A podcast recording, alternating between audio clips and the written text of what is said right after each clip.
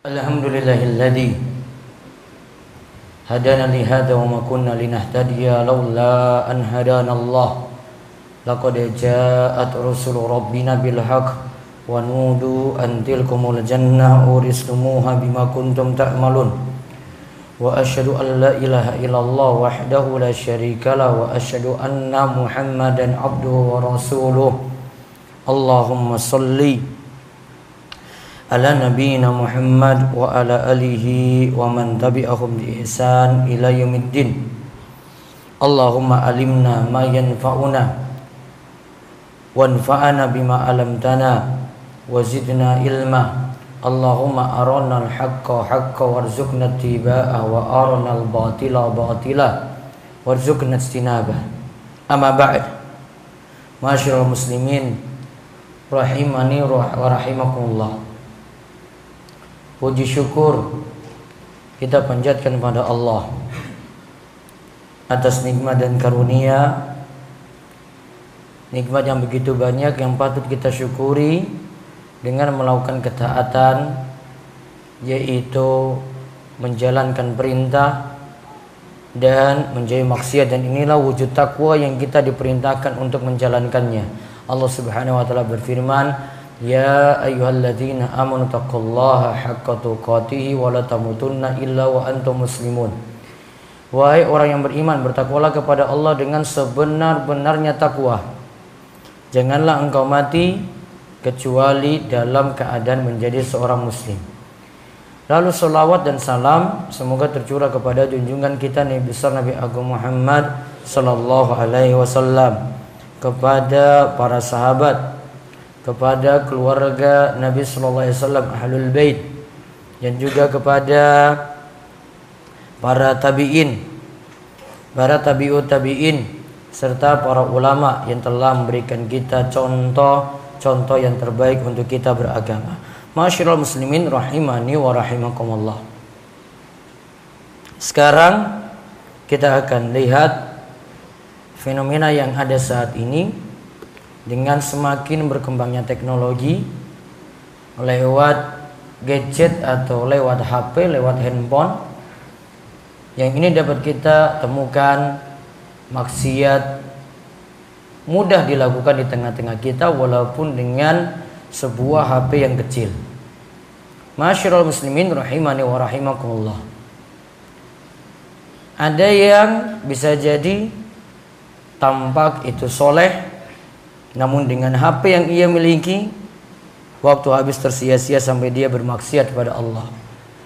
Ada yang maksiat dengan Matanya. Ada yang dengan komentar-komentar yang tidak mengenal adab. Komentar kasar di media sosial. Ada yang waktunya habis untuk searching, untuk stalking dan yang lainnya ada yang waktunya habis untuk menelusuri gambar-gambar, video-video yang sepantasnya tidak boleh dilihat. Padahal waktu kita di dunia ini umur kita terbatas. Dan kita diperintahkan untuk terus memperbaiki diri hari demi hari. Karena Allah Subhanahu wa taala katakan, "Ya ayyuhalladzina amanu taqullaha wal tanzur nafsum ma qaddamat lighad." Wahai orang yang beriman bertakwalah kamu kepada Allah dan coba lihat apa yang nanti kamu persiapkan untuk hari esok. Maka untuk meminimalkan atau mengecilkan maksiat yang terjadi lewat gadget atau lewat handphone atau lewat HP, kita akan lihat beberapa kiat yang para ulama itu sebutkan untuk mengatasi hal ini. Yang pertama, semuanya dengan mudah kalau Allah memberikan pertolongan. Siapa yang bertakwa pada Allah, Allah akan berikan dia jalan keluar. Siapa yang bertawakal, pasrah pada Allah untuk urusan ini, dia akan diberikan kecukupan. Wa makhraja. Siapa yang bertakwa kepada Allah, maka Allah akan berikan jalan keluar. Wa yarzuqhu min haitsu la yahtasib. Dia akan diberi rizki dari jalan yang ia tidak sangka-sangka.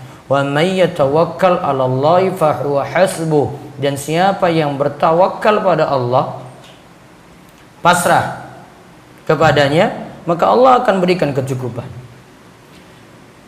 Maka doa ini jadi sebab kita itu memasrahkan semua hal pada Allah. Sama seperti kita juga sering membaca zikir hauqalah. La haula wa la quwata illa billah. Tidak ada daya dan upaya kecuali dengan pertolongan Allah. Allah yang berikan pertolongan. Di antara tafsiran dari hauqalah tadi la haula wa la quwata illa billah diterangkan oleh Ibnu Mas'ud, disebutkan oleh Imam Nawawi dalam Syarah Sahih Muslim.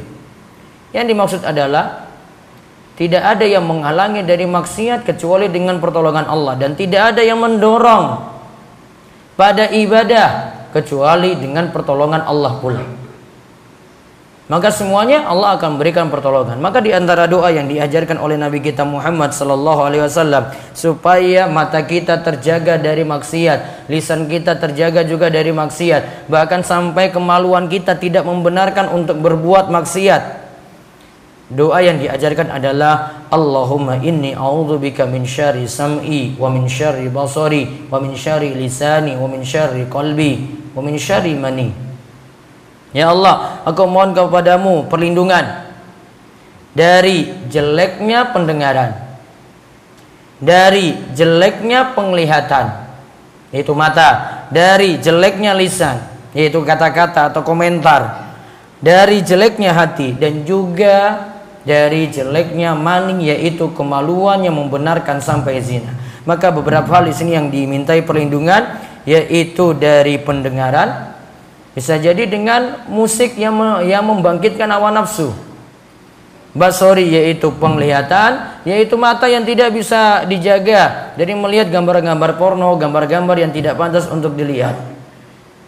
Kemudian dari jeleknya lisan, komentar komentar untuk masalah politik, komentar dalam masalah agama yang kita tidak punya ilmu, berlindung dari hal itu. Juga dari hati, hati yang tidak pernah puas. Kemudian yang akhirnya dibenarkan oleh kemaluan kita. Yang kedua adalah kiatnya lagi jauhi pergaulan yang rusak. Duduk dengan teman-teman yang rusak, duduk dengan orang-orang yang tidak kenal agama, duduk dengan orang-orang yang gemar mutar video-video yang nggak benar, duduk dengan orang-orang yang biasa lihat gambar-gambar yang nggak pantas untuk dilihat, duduk dengan orang-orang yang gemarnya untuk berdua-duaan dengan lawan jenis, duduk dengan orang-orang yang gemarnya itu pacaran, duduk dengan orang-orang yang gemarnya itu selingkuh akan membuat kita terpengaruh. Kata Nabi wasallam dalam hadis Abu Hurairah radhiyallahu anhu diriwayatkan oleh Imam Tirmizi, Abu Daud dan Ahmad, al-mar'u ala dini khalilihi falyanzur ila khalil. Seseorang itu tergantung pada agama siapa yang jadi teman dekatnya. Kancane sopo, tanggone sopo, atau dia nongkrong biasanya dengan siapa? maka agamanya akan terpengaruh pada teman dekatnya. Maka lihatlah di antara kalian falyandur ahadukum ila mayyu khalil. Lihatlah siapa yang jadi teman dekat kalian. Maka kalau teman dekat kita itu baik, kita akan terpengaruh baik. Teman dekat kita itu biasa ya membaca Al-Quran kita akan terpengaruh dengan itu. Teman kita itu biasanya kenal dengan majelis-majelis ilmu, kita akan rajin juga hadir dalam majelis ilmu. Teman kita cuma dolanan HP terus setiap harinya browsing yang tidak manfaat, main game yang tidak mengenal waktu. Kita akan ikut-ikutan juga seperti itu. Nah, seorang akan tergantung siapa yang jadi teman dekatnya. Maka lihatlah, pilihlah siapa yang jadi teman dekat kita. Dalam hidup berteman, dalam hidup bertetangga, dalam hidup ketika di dunia kerja, kantor, ketika buruh, ketika berada di sekolah, seperti itu pula. Dia teman dengan teman yang jelek akan terpengaruh seperti itu karena as-sahibu sahibun. Kata pepatah Arab, sahabat itu sifatnya selalu menarik. Sahabat itu sifatnya selalu menarik. Maka bagi yang ingin taubat, ingin berada di jalan yang lurus, ingin dia istiqomah, maka bisa istiqomah dengan mudah kalau berteman dengan teman yang baik. Terus yang ketiga, agar kita tidak mudah-mudahan maksiat dengan HP, maka jangan buat orang lain kecewa ketika kita bermaksiat. Suatu saat di sini ada cerita dari sahabat Abu Umamah radhiyallahu anhu mengisahkan ada seorang pemuda yang datang kepada Nabi Shallallahu alaihi wasallam. Lantas dia mengatakan pada Kanjeng Nabi, "Wahai Rasulullah, izinkanlah aku berzina." Wahai Rasulullah, izinkanlah aku berzina. Spontan seluruh sahabat kemudian memandanginya lalu ia katakan, "Apa-apaan ini?" Kok dia minta izin pada Rasulullah SAW untuk berzina? Kemudian Rasulullah SAW lihat pemuda itu mendekatlah Pemuda itu terus mendekati Nabi Shallallahu Alaihi Wasallam. Kemudian Nabi SAW tanya, apakah engkau suka bila perbuatan zina itu menimpa ibumu? Ada yang selingkuh dengan ibumu, kamu terima? Jawab tidak, sungguh demi Allah. Terus demikian juga orang lain tidak suka jika ada ibunya itu diselingkuhi oleh yang lain. Rasulullah SAW balik tanya lagi, apakah engkau suka perbuatan zina itu menimpa anak gadismu? Engkau punya anak gadis, Terus ada yang selingkuhi dia. Dia jawab tidak, sungguh demi Allah. Maka Rasulullah SAW jawab demikian juga. Orang lain tidak suka anak perempuannya diselingkuhi yang lain. Selanjutnya beliau bertanya lagi, apakah engkau suka bila perbuatan zina tadi menimpa saudara perempuanmu? Dia jawab juga, tidak wahai Rasulullah, demi Allah. Kemudian Rasulullah SAW jawab, demikian juga orang lain tidak senang kalau ada saudari perempuannya diselingkuhi oleh yang lainnya walaupun atas dasar suka sama suka mungkin atas kedok pacaran tadi terus kenapa engkau suka bila perbuatan zina menimpa saudari ayahmu bibimu dizinai bagaimana Orang ini atau pemuda ini jawab juga tidak wahai Rasulullah. Demikian juga orang lain tidak suka jika bibinya diselingkuhi oleh yang lainnya.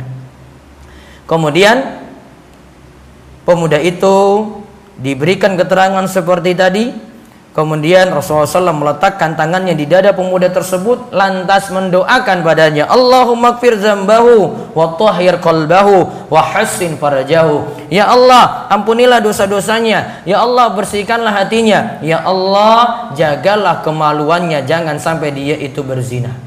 Maka seketika itu juga semenjak hari itu pemuda tersebut tidak pernah menoleh lagi ke hal tadi yaitu tidak mau berzina karena dia tahu kalau ini menimpa orang-orang dekatnya dia tidak terima. Dan orang yang keluarganya dizinai juga tidak diterima, tidak terima. Maka menunjukkan bahwasannya kita jangan membuat kecewa orang lain ketika kita melakukan suatu dosa. Ada orang-orang yang kecewa dengan kita. Orang tua begitu kecewa ketika lihat anaknya kok nakal seperti ini. Orang tua itu begitu kecewa ketika lihat anaknya yang dia didik sejak kecil tidak punya manfaat apa-apa untuk orang tuanya. Orang tua begitu kecewa ketika lihat anaknya tidak bisa mendoakan kedua orang tuanya. Dia sibuk dengan dunia gelap, dia sibuk dengan mabuk-mabukan, dia sibuk dengan motornya, sibuk dengan senapannya, sibuk dengan dunianya. Termasuk sini juga sibuk dengan apa-nya. Orang tua manggil nggak mau balik-balik. Kadang orang tua dibentak, orang tua kecewa sekali. Kok anakku yang saya didik sejak kecil kok jadi anak yang pembangkang seperti ini? Orang tua kecewa. Maka ketika mau bermaksiat jangan buat sampai orang tua itu kecewa. Orang-orang dekat kita itu kecewa, bapak kita kecewa, ibu kita kecewa, saudara-saudara kita kecewa. Hancur lebur hatinya. Sama seperti kasus ini. Kalau ada yang berbuat maksiat, lihat orang-orang sekitarnya itu bagaimana jadinya. Mereka kecewa nggak dengan kita?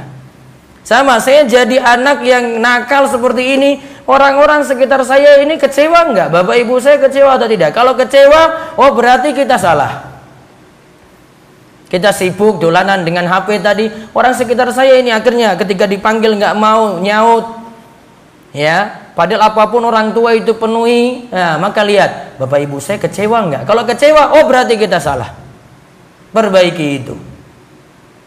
Ini yang diingatkan dalam hadis tadi tentang seorang pemuda yang ingin berzina. Nabi SAW ingatkan dengan keluarga-keluarga dekatnya. Gimana kalau keluargamu itu sampai dizinai seperti itu? Berarti ada yang kecewa kalau terjadi seperti itu pula. Terus yang keempat, Kurangi begadang malam ketika tidak ada hajat sama sekali karena kebanyakan maksiat yang dilakukan diam-diam itu terjadi di malam hari. Makanya dari hadis Abu Barza ia katakan bahwasanya anna Rasulullah sallallahu alaihi wasallam kana yakrahu nauma qabla al-isya'i wal haditha ba'daha. Rasulullah SAW itu tidak suka dengan tidur sebelum isya. Tidur sebelum sholat isya. Dan ngobrol-ngobrol, ngobrol-ngobrol setelah isya yang tidak ada manfaat. Beda kalau ada pertemuan rombongan, perlu bicarakan hal penting, silahkan. Belajar, murajaah seperti yang dilakukan oleh Abu Hurairah radhiyallahu anhu, boleh. Namun kalau tidak ada kepentingan tidak boleh. Makruh Rasulullah SAW membencinya. Terus yang kelima ingat akan suul khotimah betapa banyak orang yang mati itu dalam keadaan berbuat maksiat. Boleh jadi kita lagi maksiat dengan HP kita terus Allah mencabut nyawa kita. Ada yang bermaksiat, dia mau mabukan mati dalam keadaan mabuk. Ada yang baru baru pulang selingkuh dengan perempuan kesenangannya mati di tengah jalan. Ada yang di tepi pantai kemudian maksiat, mati juga di situ.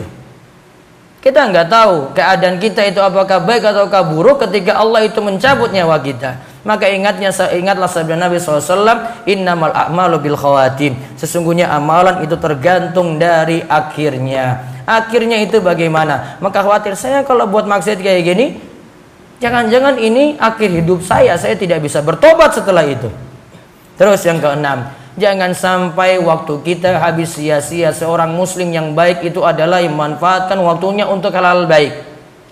Min husni islamil mar'i tarkuhu ma yakni. Tanda baiknya Islam seseorang adalah tinggalkan hal-hal yang tidak manfaat. Maka yang jadi punya umur panjang, apalagi masih muda, punya waktu yang banyak untuk terus memperbanyak amal soleh. Jangan waktunya itu habis sia-sia cuma mikir dunia saja. Jangan waktunya habis sia-sia untuk mikir kenikmatan saja. Jangan waktunya habis sia-sia. Maksiat iya, kita rasakan nikmat. Namun itu nikmat yang bukan kekal, nikmat yang bukan abadi. Yang sementara saja. Asyik, iya asyik. Dia jalan dengan perempuan asyik. Namun itu bukan asyik yang abadi, bukan nikmat yang abadi. Ada yang lebih kekal, ada yang lebih abadi dari itu. Enggak ingat, ada yang lebih penting daripada hal-hal tadi. Terus yang terakhir, ingat semua nikmat akan ditanya termasuk waktu senggang kita. Summa latus alunna yawma idin anin naim. Kemudian kelak pada hari kiamat mereka akan ditanya tentang berbagai nikmat. Kata para ulama pakar tafsir yang dimaksudkan dengan berbagai nikmat sini adalah nikmat pertama, waktu senggang. Nikmat yang kedua adalah nikmat sehat. Ya, berarti ditanya nikmat sehatmu digunakan untuk apa? Badannya fit, badannya kuat itu digunakan untuk apa? Kemudian waktu senggang itu berarti waktu luang. Waktu luangmu itu untuk apa? Ditanya. Dan setiap yang mau sibukkan waktunya dengan hal tadi harus siap bertanggung jawab di hadapan Allah ketika ditanya, "Oh, saya main game ini untuk ini, untuk ini alasannya." Kalau sudah siap jawaban, silahkan. Namun kalau belum siap jawaban untuk itu, berarti jadi beban yang berat nantinya pada hari kiamat. Sama juga, semua nikmat, nikmat harta juga demikian. Punya kendaraan ini digunakan untuk apa? Kalau memang dia kendaraannya itu gunakan untuk hal, penting, silakan. Mau punya tiga, mau punya empat, mau punya lima, mau punya sepuluh, silakan. Harus siap untuk ber, menjawab pertanyaan nantinya pada hari kiamat. Kemudian HP-nya dia gunakan untuk apa? Siap juga itu nikmat. Siap juga nanti untuk menjawab. Digunakan untuk apa? Sama halnya dia kerja, dapat dari yang halal atau yang haram. Siap juga ditanya, oh ini pekerjaan saya, ini pekerjaan yang halal. Hasilnya saya kasih nafkah untuk keluarga. Oh berarti ini juga siap untuk dia tanggung jawab nantinya di hari kiamat.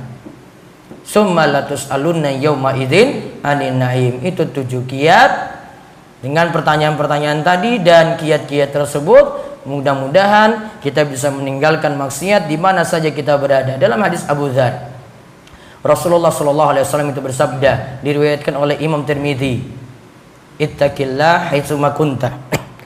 Bertakwalah kepada Allah di mana saja kalian berada. Wa adbi isayyatal hasanata tamhuha dan ikutkanlah kejelekan itu dengan kebaikan yaitu taubat menurut jumhur ulama.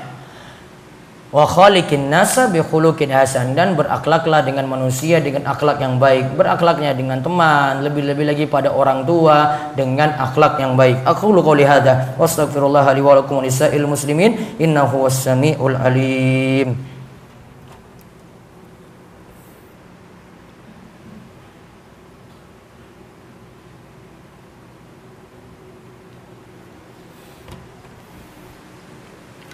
أحمد الله وأشكره وأشهد أن لا إله إلا الله وحده لا شريك له وأشهد أن نبينا محمدا عبده ورسوله.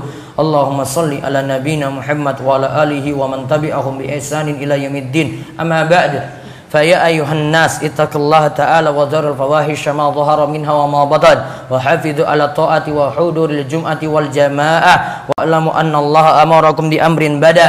فيه بنفسه. وثنى بملائكة قدسه فقال تعالى ولم يزل قائلا عليما إن الله ملائكته يصلون على النبي يا أيها الذين آمنوا صلوا عليه وسلموا تسليما. اللهم صل على محمد وعلى آل محمد كما صليت على إبراهيم وعلى آل إبراهيم إنك حميد مجيد. اللهم بارك على محمد وعلى آل محمد كما باركت على إبراهيم وعلى آل إبراهيم إنك حميد مجيد. اللهم اغفر للمسلمين والمسلمات والمؤمنين والمؤمنات الأحياء منه والأموات. إنك سميع قريب مجيب دعوة.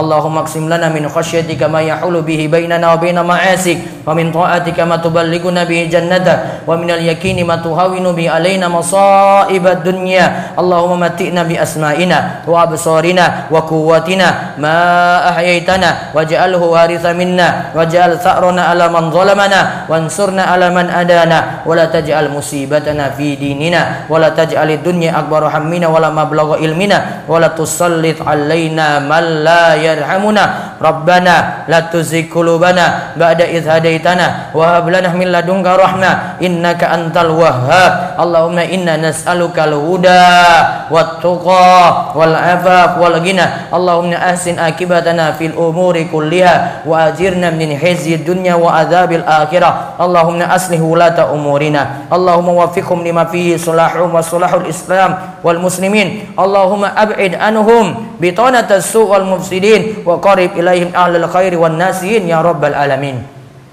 ربنا هب لنا من أزواجنا وذريتنا قرة أعين واجعلنا للمتقين إماما. ربنا آتنا في الدنيا حسنة وفي الآخرة حسنة وقنا عذاب النار. وصلى الله على نبينا محمد وعلى آله وصحبه ومن تبعهم بإحسان إلى يوم الدين. وآخر دعوانا أن الحمد لله رب العالمين. أقيموا الصلاة.